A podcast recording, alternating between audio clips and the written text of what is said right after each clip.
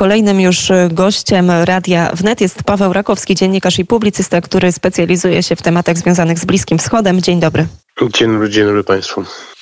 I zaczynamy od e, wielkiego dyplomatycznego sukcesu e, Kataru. Emirat został głównym sojusznikiem spoza NATO. E, jakie znaczenie ma ta decyzja już nie tylko dla świata bliskowschodniego, ale, mm, ale ogólnie dla świata? No tak, Katar dołączył do Bahrajnu i Kuwejtu, jeśli chodzi o ten status dla Waszyngtonu. W poniedziałek szejk Tamin był gościem Joe Bidena. To jest niezwykle bardzo, bardzo ważne spotkanie. Mianowicie e, omawiano bardzo kluczowe kwestie zarówno dla polityki europejskiej, jak i też dla gospodarki amerykańskiej, jak i też i dla e, no i, i, też, i, też, i też dla amerykańskiej reputacji. Mianowicie e, Katar będzie kontynuował e, ewakuację amerykańskich obywateli, czy też innych cudzoziemców z Afganistanu. E, ta ewakuacja została zawieszona, jak pamiętamy, kilka miesięcy temu. Teraz Katar będzie za pośrednictwem swoich linii lotniczych dalej kontynuował ten proces. To jest no, w pewien sposób dość istotne, jeśli chodzi o pozycję Kataru w świecie bliskowschodnim, jak i też generalnie w Zatoce Perskiej. Katar stara się być takim łącznikiem pomiędzy wieloma różnego rodzaju grupami sprzecznych, wydawałoby się, interesów. E, no to jest wielki sukces Kataru, że e, będzie w pewien sposób sprzątał po Amerykanach w Afganistanie. To jest, to jest, to jest, to jest bardzo znaczące. E, Katar ma dość konstruktywne relacje z talibami już od wielu lat. Przypomnę, że wszelkie rozmowy pomiędzy Amerykanami i talibami od, od, się toczą właśnie w stolicy Emiratu.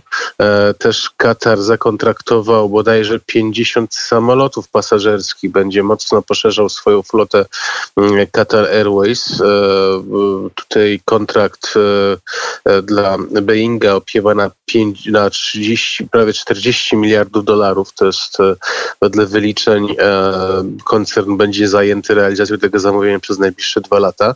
E, to jest też dość istotne, jeśli chodzi o e, e, obecne czasy gospodarcze. No i też pozostaje kwestia kluczowa, jeśli chodzi o kwestię europejską, to znaczy czy Katar będzie w stanie pojawić się na, zastąpić Rosję w jakiejś przewidywalnej przyszłości, jeśli chodzi o dostarczanie gazu do Europy.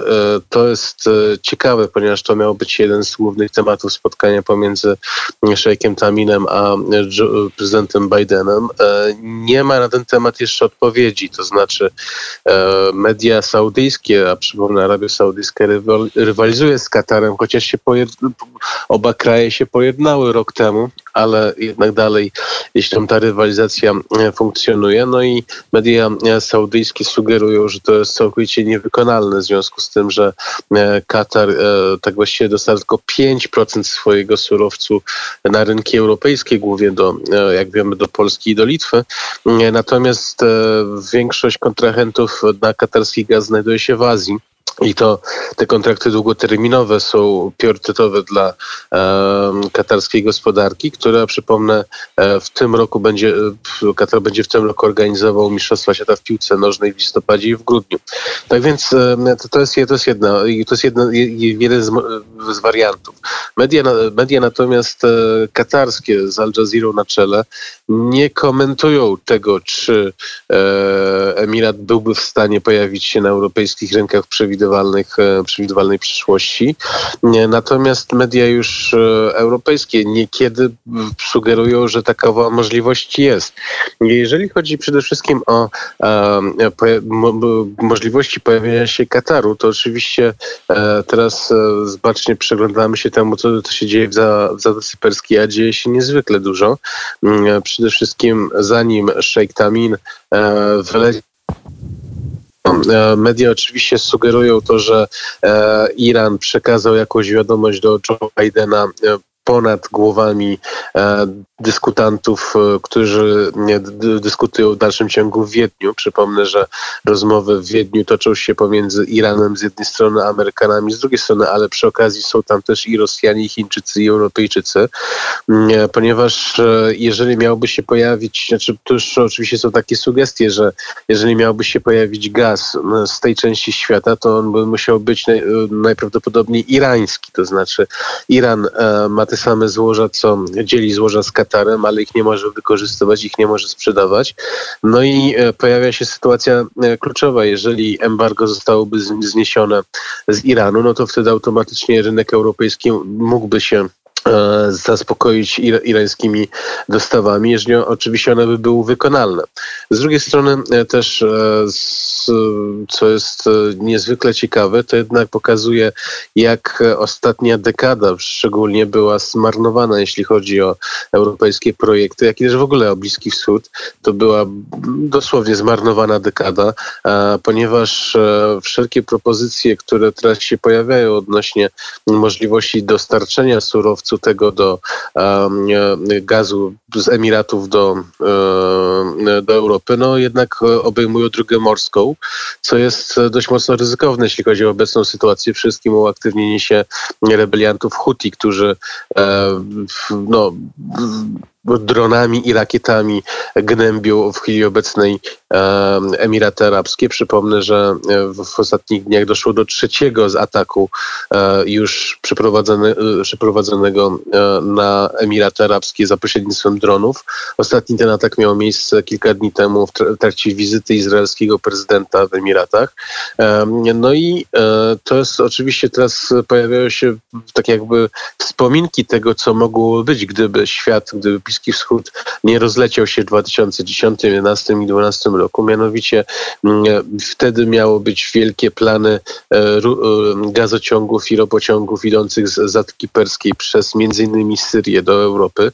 Wiemy, że do, do czegoś takiego nigdy nie doszło, chociażby poprzez to, że doszło do E, krwawej wojny syryjskiej, która uniemożliwiła wszelkie projekty. No i teraz e, okazuje się, że po, tych, po tej dekadzie spóźnionej jesteśmy mm, w sytuacji takiej, że e, pytanie zasadnicze, czy Europa byłaby w stanie otrzymywać gaz inny niż rosyjski. No i to jest pytanie z natury strategicznej, bo wiemy, że to wiele by decydowało, jeśli chodzi o politykę w regionie naszym, jak i też szerszym. A teraz też przypomnę, że wraz z e, uaktywnieniem się rebeliantów Houthi e, w Jemenie, to Joe Biden zapowiedział dość mocno radykalne kroki żeby zwalczyć te zagrożenie. Tylko, że jeżeli e, rebelianci Houthi uaktywnili się na kierunku emirackim, tak Joe Biden w dalszym ciągu nie dostarcza patriotów do, dla Arabii Saudyjskiej, czyli w pewien sposób ta pomoc, te wzmocnienie wzmocnienie w pewien sposób obecności amerykańskiej w Zatoce Perskiej będzie odbywało się poza e, Arabią Saudyjską, coś co jest niesłychane, jeśli chodzi o amerykańską politykę, e, ponieważ ta Arabia Saudyjska zawsze była filarem jakiejś tam obecności, jakiegoś tam działania Amerykanów w tym regionie.